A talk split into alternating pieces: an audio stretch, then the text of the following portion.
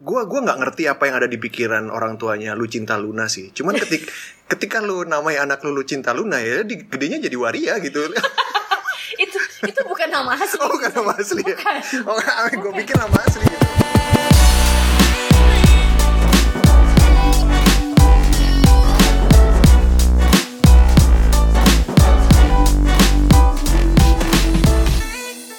Hai, gue Vincent. Dan gue Amel, Lu lagi dengerin Postinor. podcast ngomongin Udah biarin. Sorry gue brain fart barusan lupa ngomong Postinor Thank you untuk yang sudah mendengarkan episode pertama di season kedua 9500 Pendengar tuh bukan angka yang kecil ya Yes, Dan kita, kita- baru bisa mencapai angka itu kalau bawa Adri ya. Mendompleng nama orang lain. Tapi dengan diancam bahwa kalau kita nggak sampai tembus 2000 di, di minggu pertama Kita nggak akan lanjut podcastnya Kalian berhasil apa ya meyakinkan kita kalau kita harus terus sampai episode ke 200 And I 100, think 100, 100, Eh, 100 ya, bukan 200. Makin lama episodenya makin naik. Oke. Sorry Mel. Terus? Mukanya Amel udah nggak enak waktu gue bilang episode 200 tadi. Em, Komitmennya banyak cuy. Iya komitmennya banyak dan eh, apa ya istilahnya itu yang terus eh, menyemangati kita untuk eh, membuat podcast ini Ah, nggak ada yang denger buat apa kan? Iya buat apa? Kita kan emang pengen balas dendam Kita kan karena balas dendam, betul. kalian nggak mau dengerin, jadi kita bikin ini. Kita paksa sendiri. Ada yang beda nih minggu ini. Iya, kalau kalian nggak denger suara ngebas, suara-suara ngebas dan mesum, kita juga nggak mencium bau-bau pandan di sini. Itu karena di sini. pandan? itu karena di sini nggak ada Diki. Eh, Diki lagi apa ya? Lagi pergi keluar kota, jadi eh, sorry banget buat kalian yang kita nih rada nggak pede sebenarnya karena tiga episode terakhir yang kita rekaman tuh ada Diki dan hasilnya selalu bagus ya dan Tuh. ketika kembali ke formasi awal, wow, Mel can we do it? Kita duduk udah awkward banget ya tadi. Lihat-lihatan kita mau ngapain Berdua sih? doang nggak ada Diki. Ya ya ya. Kita kembali ke top chart di uh, Apple Podcast. Thank you lagi sekali Ah. sekali lagi buat itu. I think we are in this together. We, I mean you and me and Amel and also Diki. Jadi uh, maju tidaknya podcast ini Betul. adalah perjuangan kita bersama. Betul. Kita dapat email banyak nih, Chan, soal perkuliahan. Perkuliahan? Minggu lalu. Iya, ternyata setelah gue cek, ada beberapa universitas yang sudah memberikan pengumuman atas ujian masuknya. Wow. Emang SNMPTN belum, tapi ada beberapa universitas negeri dan swasta yang bikin ujian mandiri namanya. Ujian mandiri itu kalau LDR nggak apa-apa gitu ya. Gimana? Cut. Karena mandiri, Mandiri. ya. Mandiri. Oh, oke. Kita mau ngucapin selamat buat kalian yang masuk universitas-universitas pilihannya.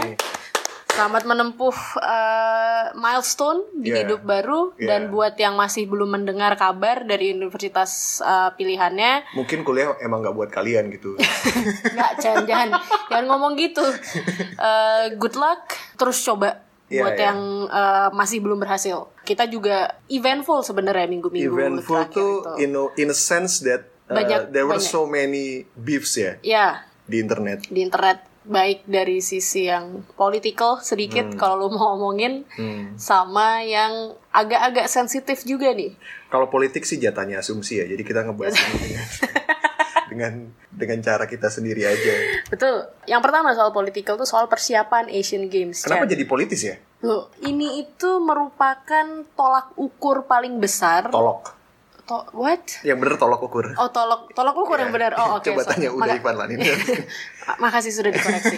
Jadi ini tolak ukur paling besar Mhm. untuk gubernur dan wakil gubernur baru. Mhm. Kenapa? Karena kita kan jadi tuan rumah yang menyambut Asian Games kan. Iya. Di mana persiapannya itu sebenarnya kalau kata siapa sih namanya Kawal Jakarta, Iya. itu seharusnya sudah dipersiapkan tiga tahun yang lalu. Iya, jadi ada akun Kawal Jakarta yang tadi malam persis bikin cool tweet mengenai bagaimana kurangnya persiapan Asian Games yang sudah yang tinggal 20 hari lagi ya, Betul. something ya. Eh iya 20 hari. Ya, kira-kira. tinggal 20 hari lagi dan persiapannya masih belum terlihat bagus. Cool tweet ini sebagian besar menyalahkan kurangnya persiapan ini pada kedua orang paling tinggi di Jakarta yaitu Pak Anies dan Pak Sandiaga Uno. Dimulai dari polemik tentang kali ya, tentang kali Yes. kali apa sih namanya kali hitam ya? Iya kali hitam. Tentang kali hitam.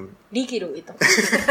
Woi, ada orangnya aja nggak berani lo ngatain tentang kali hitam yang katanya baunya nggak enak. Gue pribadi belum pernah ke sana ya. Dan kenapa itu jadi polemik karena eh, kali hitam ini jadi Dekat, tempatnya dekat dengan dekat. Me- menginapnya para atlet ya. Iya. Which is menurut gue sebenarnya nggak apa apakah sepenting itu Mel bau atau enggak? Toh mereka balik dari latihan juga badannya bau gitu loh. Nyaru pasti. Apa?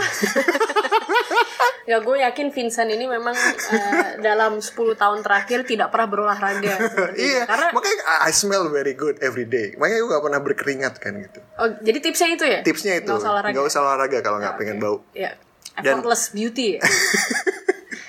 Terus I mean, eh, akhirnya untuk mengurangi aroma tidak sedap, instead of bersih bersih, maka ditutup aja. Ditutupnya pun pakai jaring. Lo, gua gua nggak kon- konsep konsep udara tuh gimana sih mal? Gue agak nggak paham. Apakah jaring yang bolong-bolong itu bisa bisa mengurangi bau yang keluar? Gue ngerti deh. Fisikanya tuh gimana sih mal? Lu kan lebih. itu setidaknya jaring Mm-mm. itu kayak apa ya warning buat orang jangan mendekat dan mencium wangi kali hitam ini itu loh maksud sebenarnya. Jadi kalau- Tapi selama ini bau tuh karena orang penasaran gitu kan mikir-mikir ke kali diciumin.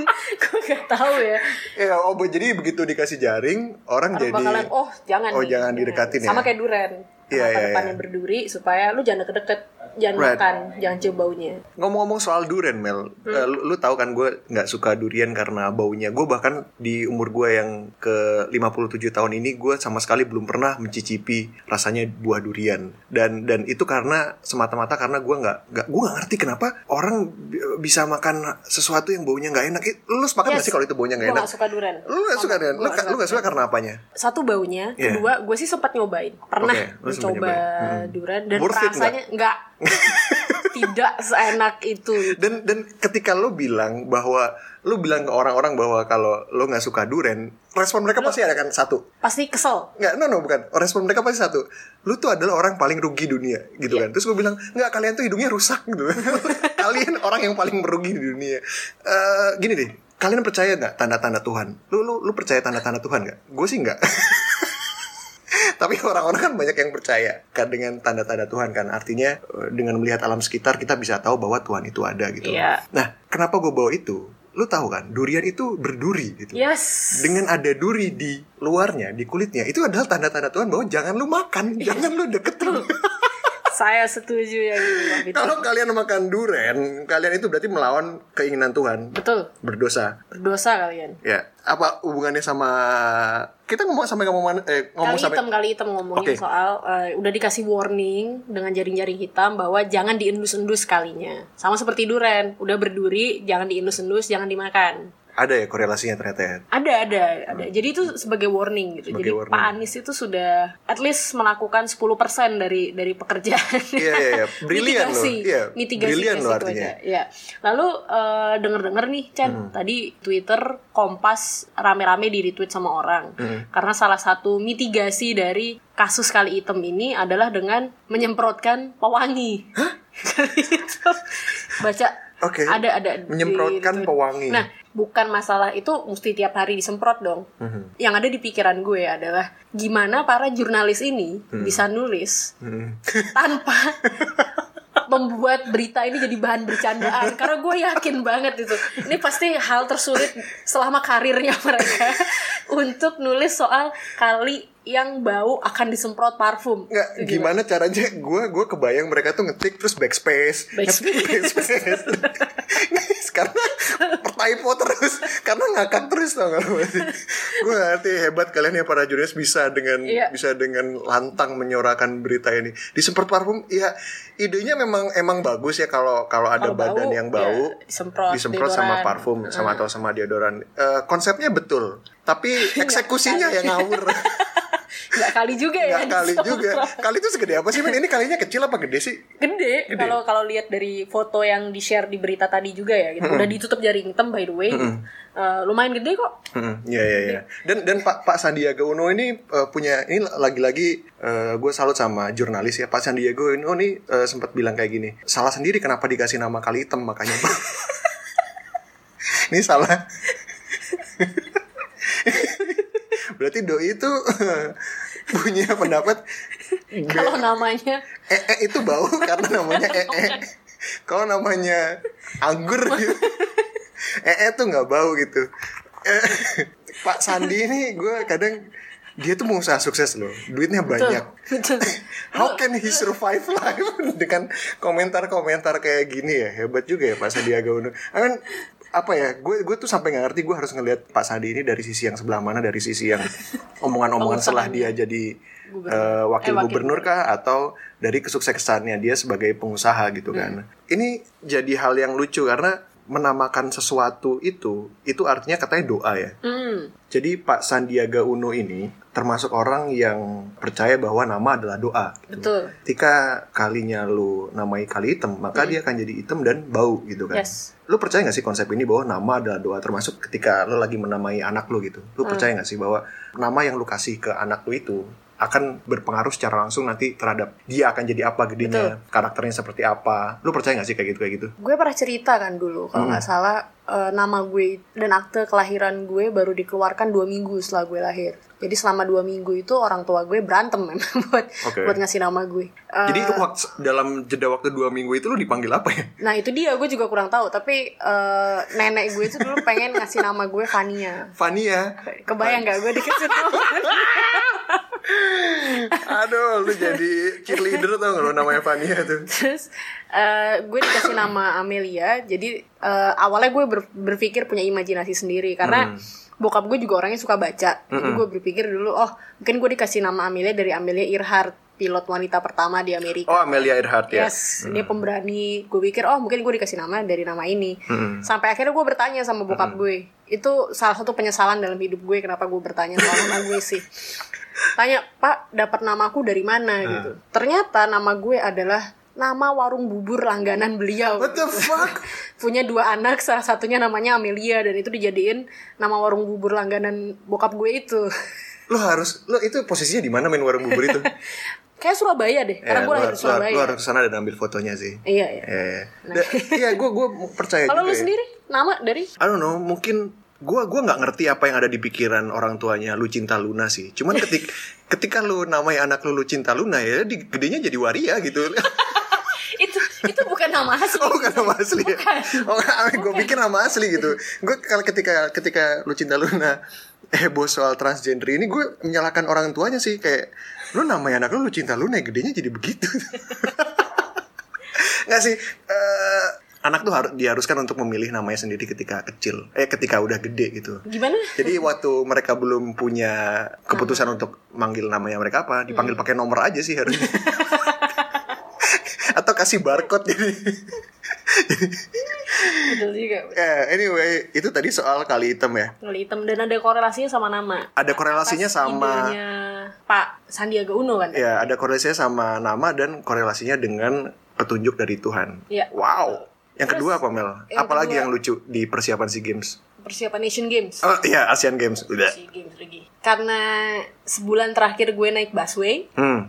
Eh, dan beberapa Lalu pindah pindah apartemen ya barusan ya? Iya. Iya, oke oke. dan beberapa minggu terakhir gue itu kan naik busway gratis dari Oh. Harmoni. Nah, jadi turunnya tuh ngemper, Chen. Kok bisa gratis? Eh, itu bis yang dipersiapkan Transjakarta Hmm. dari Harmoni ke GBK untuk Asian Games. Oh, Jadi tapi udah digratiskan Asian dari Games sekarang? Sudah digratiskan dari sekarang. Eh, bis ini tidak masuk jalur busway.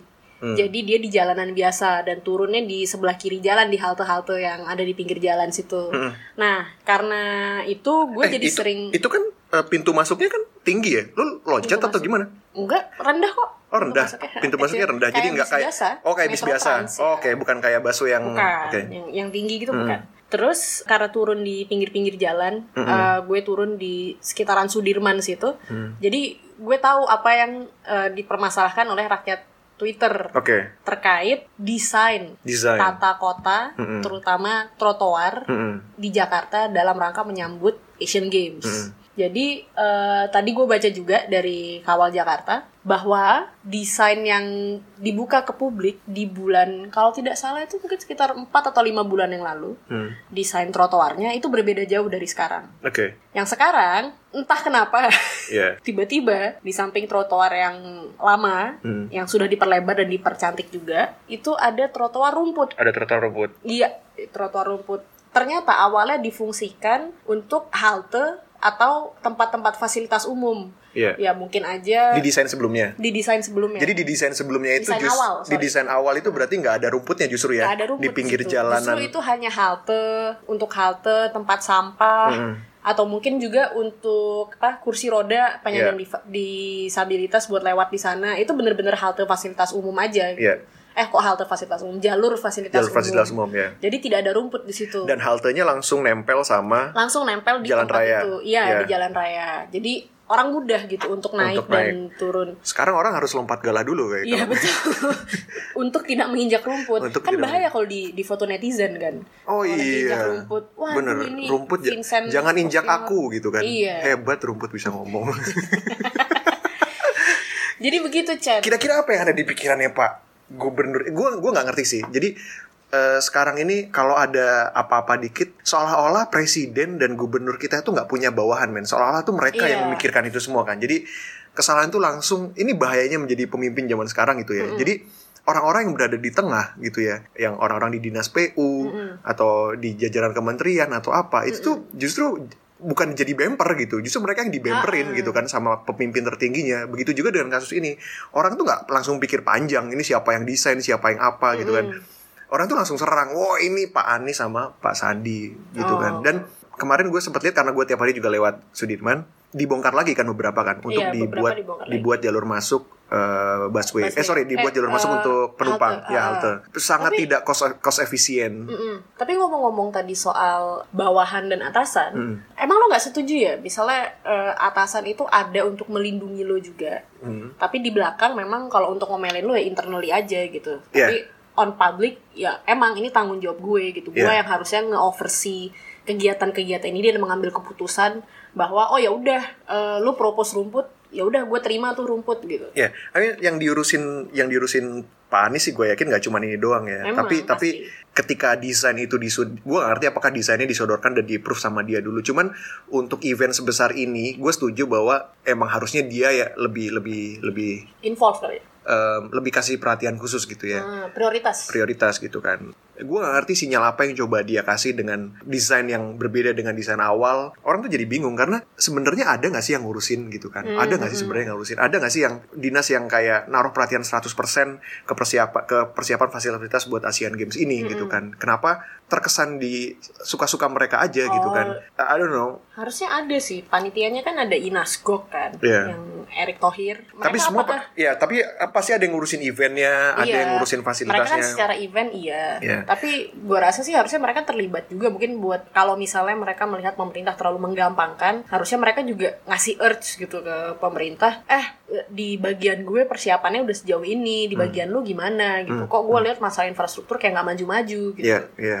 mungkin ya mungkin ya kita juga sebagai warga gitu Hmm. Ya terus aja gitu ingatkan ingatkan harusnya sih kayak gitu Iya. gue sih sebagai penikmat fasilitasnya aja gitu Iya, kadang iya. suka bodo amat sama kayak gini nggak boleh dicontoh itu Lalu bendera ya, bendera. Banyak orang yang mengkritik juga bendera-bendera para kontingen dari negara Asia ini Yes. dipasang pakai bambu. Mm-mm. Eh, menurut lu jadi masalah sih? iyalah Gitu ya? kurang gimana ya kalau gue dari negara lain Hmm. dateng gitu buat buat ngelihat bendera gue dipasang di bambu begini aja Bambu yang cat putihnya bahkan nggak nggak sempurna Nah, di catnya gitu. kesannya kayak ini gue disambut beneran kayak Iya. gini nih gitu Iya, iya. buat apa sih gitu Iya. kayak gitu Gue jadi inget ya dulu waktu gue masih tinggal sama nenek gue di Purworejo, Pak De gue yang dulu yang tinggal di Jakarta itu kan selalu datang beberapa bulan sekali ke rumah nenek. Mm-mm. Dan tiap kali dia mau datang, itu emang rusuh banget. Di rumah nenek gue tuh rusuh banget semua harus bersih. oh. Kamarmu harus dibersihin gitu. Baju-baju jangan ada yang ngegantung di mana di lemari atau di kamar mandi. Pokoknya semua harus dirapin itu karena apa? Karena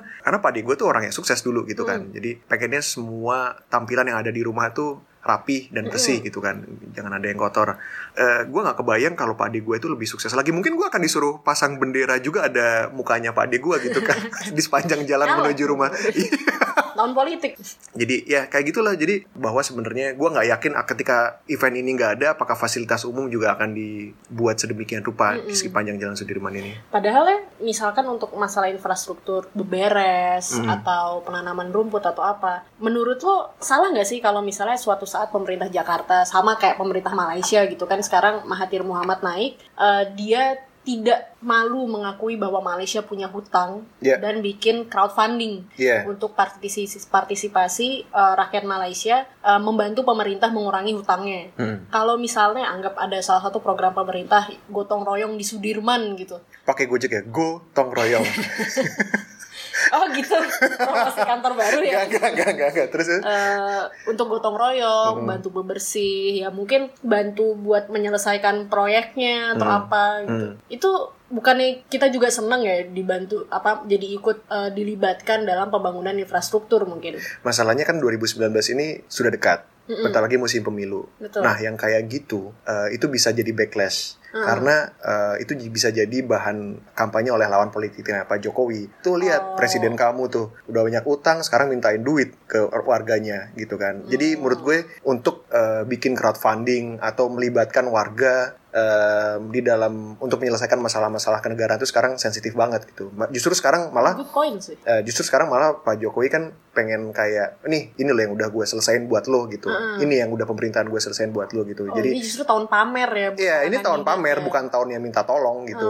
Bukan waktu yang tepat untuk Betul crowdfunding. juga ya. Oh, ternyata begitu ya cara PR bekerja. Cara PR bekerja sih kayak gitu ya. Ya selalu melihat ke depan lah, apakah itu bagus buat gue, apakah eh, ini akan meningkatkan elektabilitas gue nanti di tahun 2019. Right. Semua itu tentang itu sih sekarang harusnya. Agak terlalu serius kayaknya obrolan kita. Iya nih. ya. Terus? Eh tadi lu belum jawab soal nama. Mm-mm. Nama lu tuh kenapa Aditya dan Pratama Vincentius Aditya Pratama? Oh iya, oke. Ngomong-ngomong soal nama, lu penasaran gak sih kenapa dia pilih nama Yang Lex?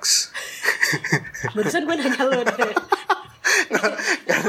Isu. Gua- karena gue nggak tahu arti nama gue, jadi gue penasaran kenapa Yang Lex eh, di Memilih nama. memilih memilih nama Yang Lex. Gue tahu namanya Alexander something ya. Mm, Bagus kan? bagus Alexander something gitu dan Alexander. itu tuh kayak di kayak di Amerika sekarang trennya kalau rapper tuh harus pakai nama Lil Ah, Lil- Lil, Jon. Lil Pump ada Lil Pump gak sih Gak ada. Sotoy. Enggak pasti ada Kalau Lilnya deh nggak, Pakai nama duit 50 Cent. 50 Cent 69 lu tahu rapper namanya 69 gak sih Tekashi namanya Yang Tekashi something bukan sih? no no no itu XX Temptation itu namanya X orang tuanya mikir apa ya waktu itu? RIP X em, iya ada ada lo lo kalau gua kasih tahu ada rapper namanya 69 69 namanya lu begitu lihat orangnya lo akan tahu oh ini 69 karena di jidatnya ada tato 69 angka 6 dan angka 9 terus di atas alisnya ada tato 69 tulisannya. Di bawah mata ada tulisannya 69 juga. Terus di dadanya dia ada ada angka 6 dan 9 69 We get it. You're 6'9". Ntar, 6'9 itu jangan-jangan tingginya dia juga 6'9 169 ya. Ya, nama rapper tuh aneh-aneh ya, Yang Lex gitu. Dan Yang Lex ini kebetulan jadi pembicaraan netizen Kenapa juga. Eh, jadi dia ada yang expose di Twitter bahwa beliau ini melakukan tindakan tidak terpuji terhadap salah satu anggota girl band Korea yaitu Blackpink. Gimana ceritanya, Chan? Ya, jadi untuk kasih konteksnya, dalam event yang akan terjadi beberapa minggu ke depan ini, Yang Lex akan jadi salah satu Bentar, event itu eventnya Young Lex atau I don't know. Event apa? Event- Event Blackpink datang ke Indonesia Oh, kayaknya oke. atau something. Pokoknya yang Lex ini nantinya akan ketemu mereka lah gitu. Mm. Dan beberapa minggu lalu, I think dua minggu lalu, dia ini bikin video yang diupload ke YouTube untuk unboxing albumnya Blackpink. Oke. Gitu kan. Oh biasa album Korea emang ribet-ribet gitu kan Emang iya ya? Temen gue pernah beli si Big Bang kalau nggak salah Dan Hmm. itu satu kotak gede gitu Ada satu tempat CD-nya CD-nya Hmm. satu Terus ada poster sama buku Buku isinya foto-foto Hmm. personilnya Big Bang gitu Oh iya. Unboxing, oh kayak gitu unboxingnya Iya ya, mas macam itulah. Jadi di dalam boxnya itu banyak ada fotonya, ada posternya segala macam. Ya maksud gue gitu. Kalau misalnya kemampuan bernyanyi lu jelek kan lu harus compensate itu ke sesuatu yang lain kan gitu. Jadi Ampun, nggak bercanda doang. Jadi yang Lex ini ternyata dia ngefans banget sama salah satu personilnya Blackpink yang namanya Lisa. Oke. Dia mengutarakan itu berkali-kali di video tersebut. Dan well this is something that you expect from Young Lex ya. Bukan Young Lex kalau nggak kontroversial gitu. Iya betul. Em, dia bilang bahwa oh ketika dia lagi buka-buka terus dia lihat fotonya di dalam terus dia bilang oh ada foto nih buat bacol nih buat bancol ini gitu. Walaupun walaupun disensor gitu kan. Yang gua ngerti dia harus salahin edit kan ini ini yang jadi ini yang jadi jadi ribut karena uh, bukan hal bukan hal apa ya bukan hal baru lagi kalau fans K-pop ini kan militan ya. Mereka sangat relate dengan artis-artisnya dan akan gampang tersinggung kalau misalnya lu ngatain artis-artis Korea juga Iya. gitu. Gue make sense. Di di scene metal juga begitu di scene musik elektronik juga gitu semua tuh pasti ada fans fanatiknya gitu kan. Lalu habis itu walaupun di blip orang tuh tahu kalau dia ngomong bacol dan bancoli gitu perdebatan terjadi ketika salah satu akun mengunggah video potongan dari video tersebut gitu dan yang diunggah hanya bagian dia bilang bacol jadi Oh, bancoli sama gitu kayak jangan mau ditipu pakai Ya, Ayat. ya, jangan. ya, menurut gue, I don't know, gue nggak, gue nggak, ini gue takut nih, gue takut diserang sama akun-akun beravatar Korea, which is okay, which is nggak apa-apa lu pakai avatar Korea. Iya. Terus, aduh, gue takut banget. gitu. Lo berhak pakai avatar apa pun, oke. Tapi, oke, gue akan bilang ini dengan pelan-pelan ya. Kalau lo lihat keseluruhan videonya, yang Lex mengungkapkan kekagumannya dia yang sangat terhadap eh, girl band ini gitu. Dan ketika video itu dirangkum hanya dalam beberapa detik lewat eh, omongan bacolnya dia itu, menurut gue itu tidak fair. 100% fair gitu. Ya, ya- yang gue nggak ngerti kenapa tim editornya itu nggak ngekat aja bagian itu gitu loh. Kenapa harus di blip gitu kan?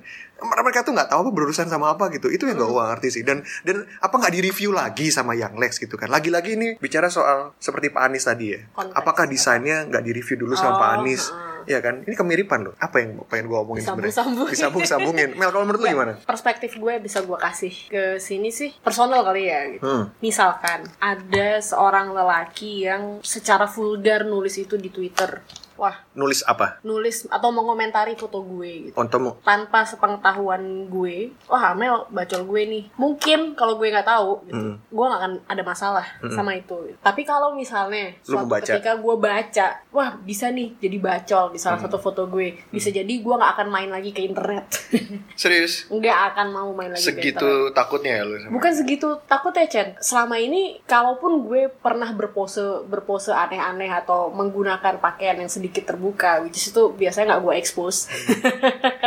Itu buat sandwich sandwich Enggak lah Gue nggak begitu pun Gue yakin ada beberapa eh, Lelaki yang punya pikiran seperti itu Itu nggak gue salahkan Gue nggak bisa mengontrol pikirannya mereka gitu Hmm. Cuman kalau gue tahu Itu gua itu akan jadi bahan pikiran gue gitu loh Ya Hmm. ampun ternyata si A itu apa ngeliatin muka gue tuh buat masturbasi Iya. itu unpleasant thinking tau gak sih Iya. yang kayak gitu jadi gue berharap gue nggak tahu aja soal hal-hal kayak gini Iya. orang mau ngapain pakai foto gue di luar sana gue jangan ada yang ngasih tau gue dan Iya. dengan yang Lex ngomong kayak gitu gue nggak tahu di posisinya Blackpink ya Hmm. terutama kan kalau public figure pasti sering juga terima pesan-pesan Iya. singkat atau DM DM yang agak kurang senonoh gitu Iya. kan gue nggak tahu apakah mereka mereka pasti udah cukup kebal gitu ya Hmm. buat baca itu buat nonton itu tapi kalau gue sih gue nggak nggak nggak nggak bakal mau lagi naruh foto di internet kalau ada yang ngomong kayak Lu gitu. merasa terganggu banget kalau ada yang Parah, ngomong kayak parah. gitu ya. Oke. Apa yang disampaikan oleh ya, oleh yang Lex tuh menurut gue memang tidak pantas. Cuman apakah itu harassment? Apakah itu Kita nggak tahu. ah, harassment kan itu artinya itu belum jadi harassment kalau si Lisanya belum belum mendengar sendiri ya. Ya nggak sih? Eh, tapi nggak juga nggak juga ya. buat beberapa orang kan itu nggak etis. Iya. Tapi ada juga yang menganggap konteksnya itu bercanda. Ya balik lagi gitu. Ada yang anggap konteksnya bercanda. Iya. Ada yang anggap konteksnya atau yang bercanda atau kagum atau apa pun itu. Ada juga yang anggap konteksnya lu nggak sopan gitu ke Hmm. Iya. cewek. Nggak mesti nunggu Lisanya ngasih Respon. komentar atau respon soal ini sih. Tapi ya buat beberapa orang kayak yang kita bicarain di episode kemarin, Hmm. ada orang-orang yang nggak ngalamin langsung, tapi terganggu sama hal itu. Iya. Ya itu harusnya urusan personal mereka gitu Iya harusnya harus personal mereka sama si yang Lex ya. si yang Lexnya Iya. gitu. Tapi Apalagi untuk dia diangkat, di- ditambah lagi yang Lex kan selalu jadi publik yang eh figur yang kontroversial kan. iya dari Sejak- awal. Jadi dari ya awal. konteksnya pasti kan yang Lex gitu. Apa sih yang lu harapkan dari orang yang bernama yang Lex gitu kan yang yang dapat spotlight dalam semalam gitu. Enggak juga sih. Oh no no, I mean itu itu bagian bagian itu gua nggak setuju. I mean gua ngelihat yang Lex sebagai seorang entrepreneur ya. Heeh. Eh, dia punya eh, jualan merch juga dan sebagai musik ya. Ternyata musiknya dia laku gitu. I mean bu- bukan dalam semalam sih. Iya, dalam bukan dalam. Tapi yang namanya opportunity, kalau misalnya nih ternyata gue juga punya opportunity kayak dia, tapi dengan jadi orang yang penuh kontroversi, gitu. Hmm. bisa jadi ya gue jadi akan seperti dia gitu. Oh, gue Yeah. nyari duit bisa dengan cara seperti Right. ini. Gitu. Itu yang laku dijual. Nah, dari perspektif cowok deh, lu Iya. sebagai cowok gitu ngelihat omongannya yang les kayak gitu tuh konteks yang lu dapat apa dari lu yang udah nonton semua videonya dari awal sampai akhir dia itu terlihat apakah dia bener-bener maksudnya ngomong-ngomong kayak gitu tuh memang karena kagum karena horny beneran gua nggak tahu atau ya emang dia asshole aja gitu. Gue ngelihatnya videonya dari awal sampai akhir karena gue pengen dapet uh, konteks yang jelas ya gitu. Dan dari awal sampai akhir tuh ya dia mengekspresikan kekagumannya sama personil-personil Blackpink ini. Dan sexually and no no not not even in sexual way. Not even in Oke. sexual way. Kayak lu kagum kayak kayak misalnya gue kagum sama eh, artis idola gue adalah eh, Mayang Sari misalnya kan. Si- siapa? Mayang Sari lu nggak tahu? Artis penyanyi ada. Ah, oke. Ya oke, jadi menurut gue itu sama halnya dengan gue mau mengekspresikan kekaguman gue sama artis cewek gue, artis Tapi- idola. tapi kenapa harus in the form of vulgarity kayak gitu? Loh maksudnya Hmm. bacol milf atau apa? Itu ada di dalam dirinya dia gitu. Itu Oh. itu karakternya dia menurut gue kayak gitu. justru Dan dia otentik ya ngomong ngomong kayak gitu. Mungkin dia tidak menjadi orang lain, tapi ya bicara masalah moral kan beda, Mel. Or- Orang berdiri di standar yang beda-beda gitu kan. Menurut gue itu hal yang mungkin tidak pantas untuk dilakukan di depan umum, di muka publik. Cuman I don't think it's harassment, but again apakah itu harassment atau bukan bukan bukan Iya. bukan pendapat gue yang jadi masalah Betul, gitu betul. karena yang jadi korbannya bukan gue kan Heeh. dan kalau misalnya ada orang yang kayak Tapi ntar dulu deh, kalau misalnya ada orang di luar sana yang memperlakukan lo seperti itu, kayak, waduh Vincent bacol gue nih, itu gimana? dari miliaran cowok di dunia ini kenapa dia? Dari miliaran cowok yang ada di seluruh dunia ini dan banyak yang lebih menarik secara fisik daripada gue kenapa? Gue gue pengen gue pengen gue datengin orangnya gitu ya terus gue tepok pundaknya why bro? Eh, kenapa gue mengasumsikan itu cowok ya? Apa? Chan, eh gini karena nggak mungkin ya gini gue mengasumsikan itu cowok karena nggak mungkin ada cewek yang bikin gue jadi bahan bacolnya gitu mungkin ada cowok Kenapa? hah I don't know mungkin karena gue gay inside lo lagi kebingungan nggak? gue lagi mungkin gue berada di tengah-tengah gue seksualitas gue dipertanyakan something I don't know Hmm. tapi itu maksud gue dari sekian banyak orang lu harusnya nggak memi- lu lu pasti ada yang salah dengan diri lu men lu mungkin harus evaluasi lagi tujuan hidup lu Bukan bukan compliment buat lo, atau harassment malah? I- Nggak, itu nggak dua-duanya. ah bukan bukan dua-duanya gitu. Komplimen gimana? Gimana caranya gue merasa Ada loh tersanjung? orang-orang yang merasa kalau dia dijadiin bacol itu pujian gitu, artinya ya they still got it. Oh mereka berarti menghargai penampilan mereka secara fisik Tuh. gitu. Mereka mereka menghargai banget penampilan mereka secara Ada fisik. yang melihat itu sebagai pujian, kalau gue sih enggak. Enggak dua-duanya sih. Oh, nggak enggak dua-duanya. dua-duanya. Gue bingung justru. Iya itu kebingungan. Itu pertanyaan. gue kebi itu itu ada sebuah kebingungan buat gue. Alias gue pengen kayak gue balas terus ngapain gitu kan. Apa gini apakah lu nggak ngerasa bersalah setelah bacol pakai foto gue? Apakah lu nggak menatap ke langit-langit kosan lu terus lu lihat apa yang baru saja gue lakukan? Iya gak sih? Self floating ya. Iya, sesuatu lu pasti menyesal banget kan, gitu. Jadi janganlah. I mean, you can do better, guys. Guys. Oke, tadi kan ngomong-ngomong soal Young Lex dan girl band Korea ya. Ngomong-ngomong soal Koreanya nih. Masih belum selesai? Belum, My belum God. selesai.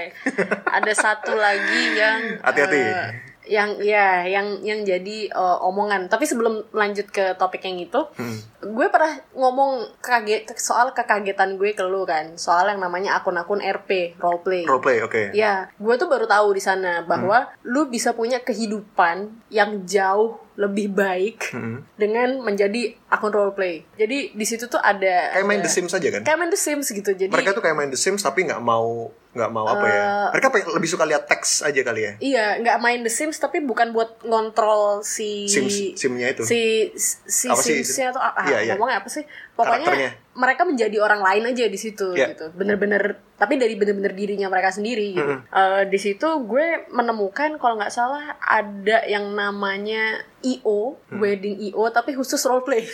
khusus account roleplay. Mungkin buat pendengar yang nggak tahu apa itu account roleplay adalah biasanya account-account roleplay ini eh gue nggak tahu apakah semuanya atau nggak cuman kebanyakan dari mereka menggunakan avatar eh, idol mereka ya, Ada yang pakai artis-artis Indonesia juga artis ada. Indonesia juga ada, tahu. idol eh, K-pop juga ada, tapi paling banyak idol yang Idol mereka di K-pop kayak ha. gitu dan mereka saling berinteraksi tapi menjadi orang lain ya di situ ya. Mereka bisa ketemu, mereka bisa ngedate, mereka bisa menikah, punya anak, punya anak. melahirkan juga bisa ya di Yes, situ.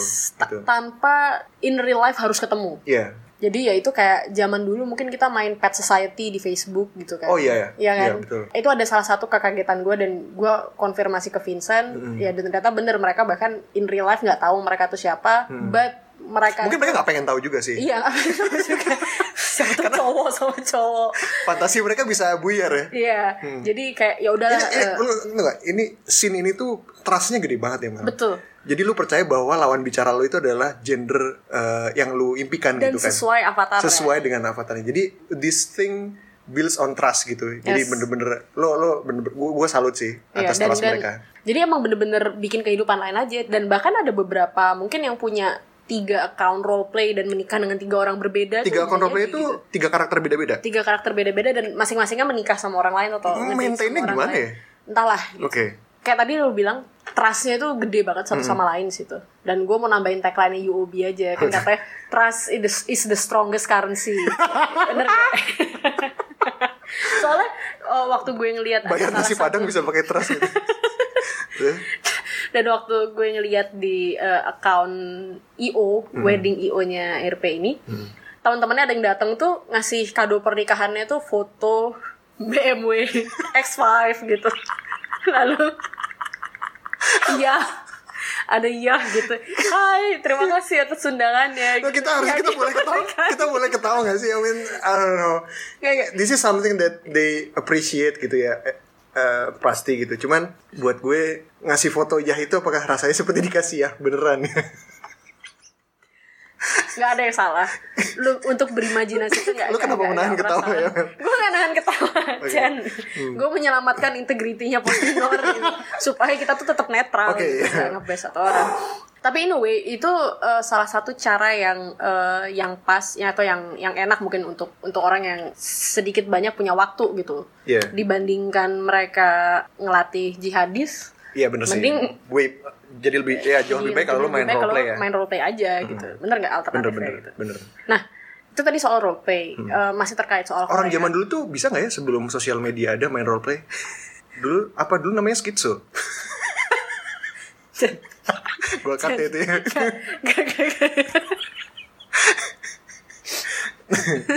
next Ngomong-ngomong soal Koreanya Hmm. ya sekarang. Jadi kan account-account roleplay maupun account-account yang tidak main roleplay tapi bener-bener simply mengidolakan orang lain, itu make foto idolnya mereka. Gue gue dulu Hmm. Dengan waktu bangga. Hmm. bisa jadi dengan bangga gitu. Gue dulu sebelum mungkin waktu SMP atau SMA ya gitu, Hmm. gue ikut beberapa forum dari forum Harry Potter, forum uh, Crunchyroll buat nonton anime. Gue nggak pernah pakai foto asli Hmm. Oh. di situ. Uh, satu karena tujuannya physically nggak atraktif juga ya waktu itu dulu nggak pengen tahu aja kenapa lu, nggak lu bayangin aja gitu lu nggak punya kerjaan Hmm. lu kuliah nggak punya kerjaan lu punya banyak waktu luang lu gabung forum yang isinya anime lu Hmm. kalau pasang foto asli itu justru yang malu gila gitu lu pasang nama asli Vincenzi Aditya Pratama Iya, iya, pakai iya. foto asli nggak ada Iya. orang di sana pakai foto asli dan masalah foto-fotoan itu kan maksudnya subjektif ya Hmm. Ter- tergantung orangnya ya terserah dia gitu mau ngapain kan tapi ada salah satu account di Twitter Mm-mm. Yang waktu itu sempat nge-tweet nge-tweet soal namanya siapa? Ini kita baca aja kali. Ya tadi kita udah. Eh, jadi ada ada satu account yang mention gue buat dibawa ke Postinor jadi di sini ada dua account yang terlibat. Yang pertama eh, seorang lelaki. Nama accountnya apa Chan? Vincent Chandra. Mirip-mirip sama gue namanya. Dia bilang bilang apa dia? pokoknya dia nge-tweet kayak gini. Mungkin dia merasa terganggu dengan avatar-avatar Korea itu ya. Entah siapa di balik akun-akun yang foto profilnya artis Korea. Kalian kenapa nggak pada mati aja sih? Sebelum kita eh, lompat ke yang jadi permasalahan adalah kalau lu punya temen. Ya lu punya temen bercandaan menggewang atau ya bercandaan atau apa. Tapi phrase mati aja itu common nggak sih digunakan di pergaulan lu? Mati aja loh gitu. Hah, ada nggak teman-teman lo yang berkomentar mati aja lo atau apa? mungkin satu atau dua ada ya tapi konteksnya dalam konteks bercandaan sih. Dan itu juga kalau ketemu langsung kita ngobrol ah mati aja lo gitu. Oh. kalau masih kayak gini mati aja lo gitu. Gitu gitu jadi itu omongan yang susah ditemui eh, Zaman sekarang. zaman sekarang gitu. Kecuali lu dalam pengaruh alkohol gitu ya. Mungkin lu akan ngomong kayak gitu. Cuman kalau di ini sih udah nggak lazim. Mungkin buat goblok, anjing yang kayak gitu-gitu masih lebih common ya. sama sih menurut gue. Disuruh Mati mati, ya, lu mati aja lah gitu.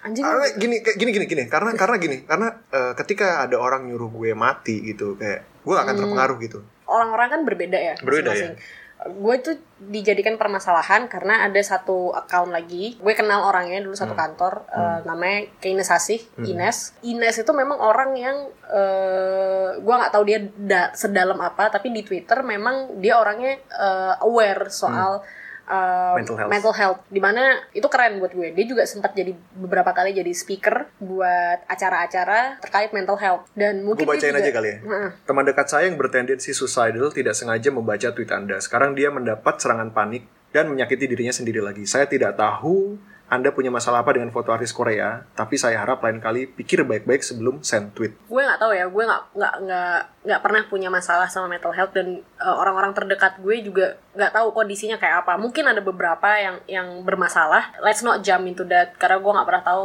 uh, isi pikiran seseorang seperti apa. Gitu kan kata kata orang-orang. Makanya you always have to be kind gitu sama Yeah. orang-orang. I- ini kan pernah dilakukan sama Eminem tapi ini bener loh Yeah. kalau kaget gitu sih makanya ini pernah dilakukan sama Eminem di salah satu lagunya yang sama Dido namanya Stan Oh ya, gue tahu. Ya, jadi dia menceritakan Itu video klip bagus banget ya. Ah, gue belum nonton disuruh video sampai sekarang. Atau gue pernah tapi gue lupa ya, gue gak tahu deh. itu yang yang yang dia fans beratnya si Eminem kan. Iya, memang terus dia si- mencoba si untuk ber- ya bertemu terus tapi Iya. nggak nggak pernah si Uh-uh. Eminemnya karena sibuk banget jadi nggak pernah nggak pernah ditanggapin suratnya Iya, segala macam. Iya waktu itu Eminemnya juga mungkin udah terlanjur bilang kali ya, ntar lu surat aja sama gue, ntar gue bales gitu. Iya iya benar-benar. Ternyata Eminem beneran bales, tapi Tap- setelah telat dia gitu. meninggal. Setelah setelah dia meninggal gitu. Dan itu salah satu contoh eh, bahwa omongan orang yang sekelebat gitu aja kayak ya udah nanti gue bales surat lu gitu. Itu ternyata impactnya segitu dalam buat orang lain gitu. Right. Itu itu ceritanya emang fiktif, tapi itu yang katanya itu yang pengen disampaikan oleh Eminem gitu. Jadi omongan lu, lu lu public figure, omongan lu itu bakal jadi impactnya bisa jadi besar gitu buat orang lain. Atau misalnya kayak gue temenan deket sama lu nih, kita pernah punya perdebatan dan lu eh, dengan keselnya bilang apaan sih gue nggak mau ketemu lu lagi atau apa. Itu impactnya bisa jadi gede di gue gitu. Jadi gue yang selama ini punya masalah, gue butuh cerita sama lu, ya bisa jadi gue akan melakukan hal hal-hal yang berbahaya buat diri gue sendiri. Yang pengen disampaikan oleh Ines itu mungkin yang seperti itu gitu. Iya. Lu lu nggak akan nggak akan tahu gitu eh, gimana perasaan orang lain waktu baca tweet lu. Iya. Bukan berarti kita tetap eh, harus belum hati-hati banget atau nggak usah nge-tweet sama sekali gitu. Tapi ya lu harus terima konsekuensinya gitu. Iya. Misalnya emang ada orang yang beneran bunuh diri karena tweetnya dia gitu. Ya i- bisa jadi dia merasa bersalah seumur hidup cuy. Betul betul. Gila lo gitu. Lo lo nggak pengen uh, repercussion dari tindakan lo itu berujung pada uh, hilangnya nyawa seseorang ya. Iya, Ya. pastilah. Ada satu lagi yang menarik kan dengan adanya perdebatan ini antara dua orang antara Ines dan Vincent ini eh, orang-orang kan bermunculan juga ya gitu. Dan adalah salah satu survivor ada salah satu survivor dari mental illness dan juga dulu katanya dia pernah kena cancer. Dia bilang kayak gini gue adalah survivor dari cancer dan eh, mental illness gitu. Gue cuman pengen bilang sama lo kalau lo punya masalah lo temui dokter lo obati penyakit lo jangan suruh dunia yang menyesuaikan sama diri lo. Which is menurut gue ada juga. ada ada benarnya juga ada benarnya juga. I mean orang kadang datang ke internet tuh lenggang kangkung lompat-lompat gitu kan.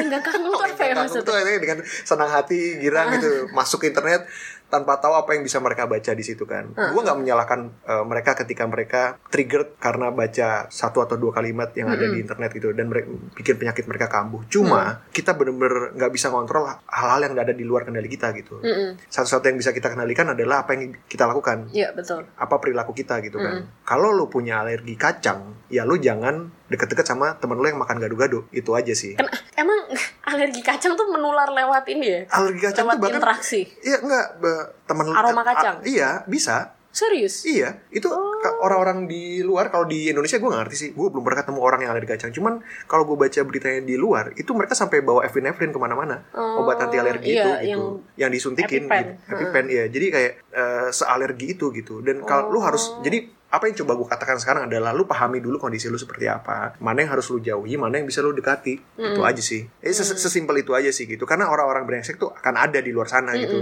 Eh, mau mau kita sekeras apa pun mencoba untuk Iya, menasehati akan ada kayak gini gitu. bukan cuman kita yang berusaha terus untuk memperbaiki dunia sekitar dengan cara merubah asshole-asshole ini jadi orang baik gitu. Iya, bukan. Eh, cuman ya tetap dari kita juga mesti membentengi diri sendiri buat hal-hal seperti ini kan. Ya. Ini topiknya ag- agak-agak sensitif Serius ya. ya? Sensitif dan serius gitu. Kita kita nggak mau salah ngomong di sini. Sekarang Saatnya kita baca email, Chan. Halo, nama gue depannya agak kecewa-cewaan gitu. Dalam kurung Anita. Dari ser- dari SD sering banget kalau absen sama guru baru mesti dipanggil Mbak. Lanjut kerja di email nulis signature nama lengkap balesnya Dear Mister atau Bu Anindita. kan ngehe, tapi gue bersyukur mohon dibikinkan episode terkait nama-nama gitu yang kasus ke gue, yang viral kayak jedar atau yang tak berarti seperti Vincent. Waduh. Makasih pendengar ke-200 setiap podcastnya up di SoundCloud. Dia nungguin dulu sampai Nungguin 199. dan baru ngeklik play. Iya kalau nama itu Waduh. tadi tadi seperti yang kita bilang ya nama adalah doa tuh bener gitu. Kalau lu kasih nama kali hitam ya itu hitam dan bau gitu. Kalau lu kasih nama lu cinta Luna anak lu jadi banci. Next. Jadi jadi maksudnya Hmm? si Anindita ini dikasih nama Anindita karena nyokapnya berharap Karena nyokapnya cewek. berharap karena nyokapnya berharap anaknya jadi feminin udah gitu aja. lu jangan ngelawan keinginan orang tua men. Be feminine. Ada lagi satu email dari oh ini Mesti kayaknya nggak usah. I always think I know, but actually I don't know anything. Apa sih? I tend to jump to conclusions and it's and it made me suck in a relationship. So this is the question: How to tell if a guy likes you over a text? Gimana caranya ngasih? Gimana caranya tahu kalau Oh. cowok itu suka sama lu hanya dari teksnya dia? Lu tau gak sih Kalau dia minta foto telanjang lu dia pasti suka itu artinya kalau dia minta foto telanjang lu artinya dia suka sama lo. That's it. Gak, gak, gak, gak, gak. Gue ada ada satu em, serial TV namanya Iya. Man at Work. Oke. Eh, salah satu pemeran utamanya dia tuh baru putus dari relationship yang mungkin enam tahun gitu ya dan dia harus eh, he needs to start dating again gitu dan dia ketemu sama cewek lalu textingan sama si cewek di mana si cowok ini karena udah enam tahun pacaran sama cewek yang sama gitu. Jadi nggak tahu eh, bahwa di tahun ini yang namanya pacaran it's called heterotextual. Heterotextual. jadi semua tuh orang pacaran lewat teks gitu. Oh. dan kalau lu lagi first date gitu much of your relationship itu it's between a text exchange lah di di di WhatsApp iya, atau di Line atau di apa. Terus gimana cara tahu bahwa cowok itu suka sama lo lewat teks Hmm. justru kalau menurut gue personally ya eh, gue tuh tahu cowok suka sama gue itu waktu dia intensely nyoba buat ngobrol sama gue di teks Hmm. atau ngajak ketemu gitu karena kadang kalau udah ketemu gue tuh asik sama diri gue sendiri dan semua Oh, iya. itu Bener banget kata? Diki. lu tuh selalu full of yourself. Bener banget. Makanya jadi kalau teks gue justru lebih lebih gampang buat tahu gitu tapi Oh, karena kalau lu lebih lu lebih banyak ngomong kalau lagi ketemu iya kalau lagi ketemu ya kayak kita di Postinor ya kalau di Postinor gue sih ngalah sama lo ya gue masih porsi bicara Hmm, alpha dulu gue kan. gitu. ya gitu sih. Apalagi zaman sekarang ya. Biasanya sih kalau mereka menunjukkan ketertarikan ya apa pun yang lo teks mereka tuh akan bales. Dan balasnya juga nggak yang tiga jam kemudian gitu sih. Hmm. masih ada. Ya mungkin jika dia nggak sibuk dia bales itu masih masuk akal harusnya. Hmm, kalau oke. lu gimana? Lu lu lu lu sama teks selama ini selain buat Gue minta kalau foto suka- telanjang atau? Frekuensi sih. Frekuensi gue akan gue akan pengen tahu Eh, gue selalu pengen tahu dia kehidupannya sehari ngapain. Ya share link gitu buat jadi bahan sharing. diskusi ya terus gitu gue kan. yang pasti yang pasti adalah nih ya gue sering banget ngelihat video eh, bio-bio di Tinder atau di sosial media lainnya yang bilang kayak gini gue pengen deep conversation cewek-cewek ini kan. Gue pengen larut dalam deep conversation which is asimetrik karena cewek pengennya deep throat. Eh cowok pengennya deep throat. Jadi kalau cewek pengennya deep conversation cowok pengennya deep throat. Jadi agak gak nyambung. Jadi, deep conversation terus eh, bicarakan hal-hal yang nggak sepele, yang nggak trivial, bukan bicarain gosip. Mereka tuh pengen pasangan mereka tuh bicara philosophical lah. Iya. Gitu. Tapi punya ya, informasi yang bisa di share betul. Tapi di umur gue yang 48 tahun ini sekarang berubah-ubah ya. 57 sekarang 48 I'm getting younger every second terus eh gue tuh cuman pengen but gue cuman butuh orang-orang buat tukeran memes aja iya di tengah-tengah kesibukan gue gue banyak pikiran. Orang yang eh, gue butuhkan adalah orang dengan selera humor yang sama Mel. Oh yang lu lu lu tukeran memes dan lu ketawa itu lu tahu oh she's the one. Ya sih? kalau lu kirim memes yang menurut lu lucu banget dan dia nggak ketawa ya udah tinggalin. She's not the one. Indikatornya tuh itu. America explain. Ya kayak kita kan kita selera umurnya sama gitu. I- itu itu salah satu indikator bahwa eh, kalian bisa menghadapi hidup tuh mengarungi hidup bersama-sama gitu. Gimana? Karena karena dalam kesusahan apa pun, lu tuh bisa masih bisa menertawakan hidup gitu. Jadi lu butuh ya kalau dia lu kasih dia memes dan dia nggak ketawa, udah men tinggalin aja. men. She's not the one. Titik. Oke, good insight, Chan. Oke, pertanyaan selanjutnya agak serius ya. Hai kalian bertiga, thanks a lot for accompanying my my commute to work. Walaupun kalian mostly nyampah doang. Bener sih. But it's okay, it makes my life more bearable to live. Anyways, gue mau nanya nih sama kalian. I came across this post in Instagram about a disabled kid in the US. Orang tuanya sudah tahu sebelum anaknya lahir kalau anaknya bakalan disabled dan penyakitnya itu belum bisa disembuhkan. Terus gue agak kaget lihat komennya yang terpolarisasi terhadap eh, menjadi dua grup. Satu sisi memuji orang tuanya karena kesabaran dan cinta mereka terhadap anaknya despite his or her, or her condition while the opposite side the opposite side claims that the parents so selfish because they let the kid lives and suffers. Oke, jadi ada anak, anak kecil baru dilahirkan, tapi sebelum dilahirkan itu Orang orang, tuanya tuanya udah sudah tahu. tahu kalau anaknya bakal cacat. Tapi Um, tetap. tapi masyarakat terbagi jadi dua, satu yang yang mengapresiasi tindakan orang tua yang tetap melahirkan anak itu dan memerawat, dan yang kedua adalah kalau udah cacat ya harusnya jangan kan kasihan gitu. Menurut lo gimana? Kalau gue personally ya. Omong-omong lu lu setuju aborsi atau enggak? Setuju. Hmm, Eh, masih eh, aborsi dalam kalau dalam ibunya konteks ya, gini, menyelamatkan ibu dan anaknya. dalam konteks ibu dan anaknya gitu ya. Kalau ibu kalau eh, nyawa yang jadi taruhan ya, maka gue setuju. Kalau ibunya tidak menginginkan anaknya walaupun sehat, gue setuju juga. Karena Pilihan. hal terakhir yang seorang anak berhak dapatkan adalah ibu yang nggak mau kehadirannya dia. gitu. Jadi ya udah, mending jangan gitu. Kalau ada masalah eh, ekonomi atau apa segala macam yang membuat ini anak hidupnya nanti jadi susah gedenya, gue juga dan setuju. ibunya ngambil keputusan. Iya, eh, gue gue gue selalu berada di posisi itu sih. Jangan gini, anak masih kecil itu ya dia nggak tahu apa-apa. Conscious udah udah conscious belum sih kalau anak? I mean kayak Gue lupa rasanya. gue Iya kalau ngelihat ya gue nggak bisa bayangin orang-orang yang hidupnya susah gitu karena punya disabilitas Betul. eh, dan mereka eh, hidup di lingkungan orang-orang dan dunia yang kejam ini gitu. Gue nggak ya gue nggak tega sih kalau itu. Jadi mending pas kecil udahin aja. Oke. Itu pendapat gue pribadi. Lu akan lebih setuju untuk tidak dilahirkan. Gua lebih setuju, gue juga pro aborsi di sini. Hmm. Any case gitu. Kesehatan dan apakah ibunya sudah mengambil keputusan, gua nggak bisa ngurus anak, gua nggak fit Hmm. mentally and financially buat eh, ngurus anak. Tapi yang nggak nggak setiap eh, ada orang MBA langsung digugurin nggak Iya. gue. Tapi di sini case-nya adalah gue justru salut sama orang tuanya satu, karena dia bisa tetap sayang sama anaknya, tetap ini biar Iya kalau anak menderita. kalau anak gue Tapi- jelek lahir, gue pasti gue kasih ke adik gue atau apa gitu.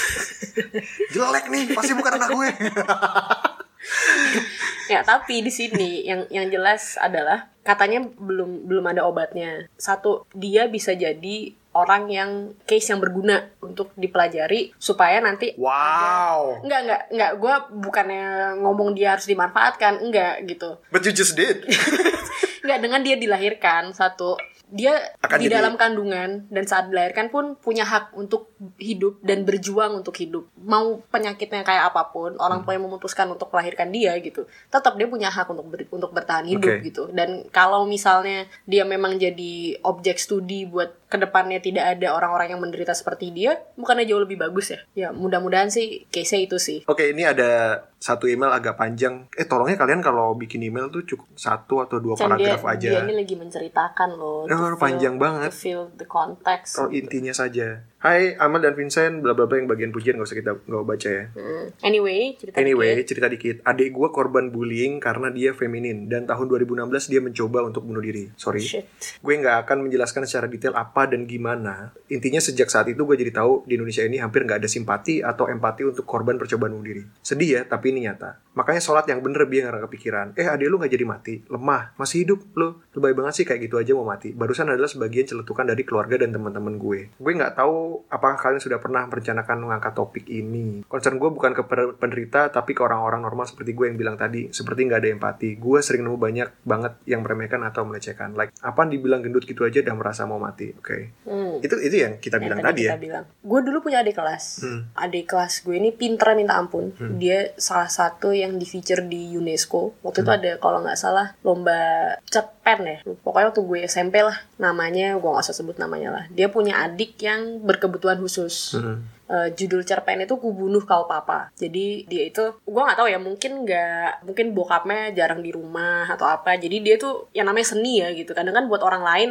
nggak nyampe gitu ke otak hmm. orang lain. Cuman yang gue interpret dari situ adalah intinya dia sedikit kecewa sama bokapnya. Karena bokapnya sibuk kerja adiknya berkebutuhan khusus gitu. Dan dia di situ menggambarkan mimpi-mimpi dia dan adiknya itu ibarat building blocks yang adiknya bikin sama dia dan bokapnya lewat begitu aja ngancurin itu gitu. Dia kalau nggak salah dapat ya menang awards apalah gitu dari UNESCO gue lupa. Dan di situ dia juga sempat cerita gitu. Orang-orang di sekitarnya pun ke adiknya gitu. Jangankan yang ngomong ngomong terang-terangan sevulgar ini sih nggak ada gitu. Tapi orangnya tuh orang-orang luar gitu kalau ngelihat keluarga mereka tuh yang kayak sebisa mungkin acting normal gitu loh yeah. ngelihat adiknya berkebutuhan khusus kayak yang nggak nggak pengen terlalu fokus ke adiknya yeah. atau apa gitu sementara si adik kelas gue ini penyadari banget gitu orang-orang tuh jadi kayak awkward sekitaran hmm. kita gitu kita nggak butuh apa-apa kok gitu kalau misalnya kalian memang mau apa lu ngeliatin orang nih matanya cuma satu gitu hmm. lu liatin terus kan gitu dia hmm. ada di sebelah kanan nih hmm. ini orang matanya cuma satu kenapa ya kenapa ya matanya cuma satu ya kayak mikir kayak gitu gak sih di kepala yeah, lo gitu yeah, kalau... dan lu jadinya ngeliatin dia ke kanan tapi kalau dia lagi ngeliat lu lu langsung alihkan pandangan atau yeah, apa yeah. lu penasaran Pani gitu dajal gitu ya ya jadi intinya dia tuh pengen ngomong hmm. gue tahu adik gue itu berbeda sama kalian gitu hmm. kalian mau perlakukan beda kalian mau perlakukan seperti apa ya hmm. udah nggak masalah gitu but stop acting normal gitu stop mencoba kalau lu tuh nggak ngelihat nggak ada apa-apa di situ yeah. gitu stop yang kayak kalau misalnya gini deh lu pengen jadi orang paling toleran hmm. lu nggak pengen ngelihat ada orang lain racist atau apa hmm. tapi lu akhirnya berpura-pura menutup mata bahwa memang ada ras lain di, di dunia ini gitu dan yeah. bahwa misalnya lu niga gue Cina gitu yeah tapi lu menutup mata enggak kita semua sama kok. Kita hmm. beda gitu. Iya yeah, iya. Yeah. yang yang kayak gitu-gitu. Iya pelik banget ya kalau kalau ngomongin ngomongin ini. Karena ini bicara soal perilaku orang terus gimana kita meresponnya gitu. Tapi uh, satu hal yang gue tahu pasti gue gue pengen merespon ke salah satu uh, omongan yang tadi dibilang ke mm. adiknya si ke dia ke dia ini. Dia bilang eh adiknya Fania ini dia bilang kayak makanya sholat gitu. Um, gue ngerti ya. Banyak hal yang bisa diselesaikan oleh doa mungkin. Tapi sholat boleh gitu tapi ke dokter juga lah. Karena orang-orang yang taunya sholat itu bisa menyelesaikan semua masalah itu dari kecilnya mungkin diajarinnya kayak gitu, uh. gitu. bahwa kalau ada masalah ya berserah diri sama Tuhan uh. gitu. Cuman kan ah Tuhan banyak PR juga ya. Kadang pengen dia kayak oh, lu urusan lu sendiri lah gitu. Ya kan sih kayak mungkin Tuhan kayak Pak Anies juga kali udah kebanyakan. Jadi dia nggak tahu apa yang mesti di ACC gitu. Lu kebayang gak sih berapa banyak doa yang masuk ke dia gitu? Jadi tolonglah berasumsi bahwa Tuhan itu kerjanya banyak gitu. Dan dia mungkin nggak se se powerful itu juga. Jadi seek help dan tolong apresiasi dokter dengan jauh lebih baik lagi. Yes. Kalau tolong apresiasi dokter atau tenaga medis atau apa pun gitu ya. Kalau lo ketemu mereka, terus saudara lo, orang tua lo, teman lo berhasil diselamatkan dari penyakit yang kritis atau diselamatkan hidupnya, berterima kasihlah kepada mereka. Jangan alhamdulillah duluan, jangan puji Tuhan duluan. Terima kasih dokter dulu. Mereka tuh eh, yang siang malam siang malam ngurusin lo gitu. Jangan jangan lupa untuk berterima kasih sama mereka gitu. Karena mungkin eh ya. Mereka butuh kali dengan itu iya kan, mereka gitu. Ya. butuh. Mereka, mereka tuh kayak maaf bapak ibu mengganggu saya cuma pengen tahu kalau uh, anak ibu sudah lewat dari masa kritis. Alhamdulillah wait. Wait gue loh yang ngasih obat. Gue kalau jadi dokter kesel sih. Untung lu bukan dokter juga. Kan gue dokter. Butuh kalau gue jadi dokter terus pasien gue begitu gue cabut selang infusnya sana suruh Tuhanmu untuk. Bener-bener nih Vincent. Ya kita udah baca uh, beberapa email yang menarik banget. Bukan email-email lain nggak menarik ya gitu. Yeah. cuman kita slot waktu kita buat dibahas di podcast nggak banyak. Karena kalau hmm. kepanjangan kalian males dengerinnya. Betul. Makasih buat email-emailnya. Kita jadi punya sesuatu buat diomongin. Tolong kirim yang banyak biar kita nggak kehabisan topik yang banyak dan nggak panjang. Yang banyak dan nggak panjang. Kayak jenis indigo banget. Pertanyaannya gue suka banget apa itu jenis indigo titik? Dan itu jadi bahan yang bagus sama lo. Sampai sekarang kita nggak tahu jenis indigo itu apa. Thank Vincent tuh lembur buat nyari tahu loh jenis indigo itu apa sebenarnya. Eh seperti yang gue bilang tadi kita pengen jadi yang nomor satu di Indonesia dan gua nggak bisa gua dan Amel dan Diki nggak bisa melakukannya tanpa kalian. Tolong dengarkan dan tolong sebarkan podcast ini. Yes. siapa tahu uh, well kita nggak tahu apa yang bisa kita buat tapi apa pun itu itu usaha kita bersama. Kita Yes. yang buat kalian dengerin. Kalian adalah kalian itu bukan sekedar angka-angka di SoundCloud kita bukan. Setiap kali gue ngelihat angka-angka berapa play di SoundCloud gue langsung membayangkan muka-muka kalian. Bahkan Mel ada uh, dalam satu minggu kan kelihatan tuh di statistik kita ada, Ada satu orang Yang itu dengerin sampai satu orang dalam satu minggu ngedengerin sampai 46 kali. Episode kita aja belum ada 12 tau gak lo? Ini baru episode 12. Tapi mereka udah dengerin sampai 46 kali. Ah, Gue gak ngerti diputar. Tapi itu nggak tahu di episode yang mana. Nggak tahu. Nggak tahu. Tapi most listener ada yang sampai 46 kali dan wow. Ya mungkin Eh, dia memang promosiin ke teman-temannya gitu Betul, atau di betul. mobil dengerin lagi dengerin lagi sama Iya. orang yang berbeda gitu. Itu kita ya kita berterima kasih Iya. banget sih. eh, buat kalian yang lagi nyetir, lagi mau tidur, lagi pura-pura kerja, semoga kalian baik-baik saja dan eh, semoga eh, kesehatan jasmani dan rohani kalian baik-baik saja juga. Sampai jumpa lagi. Bye.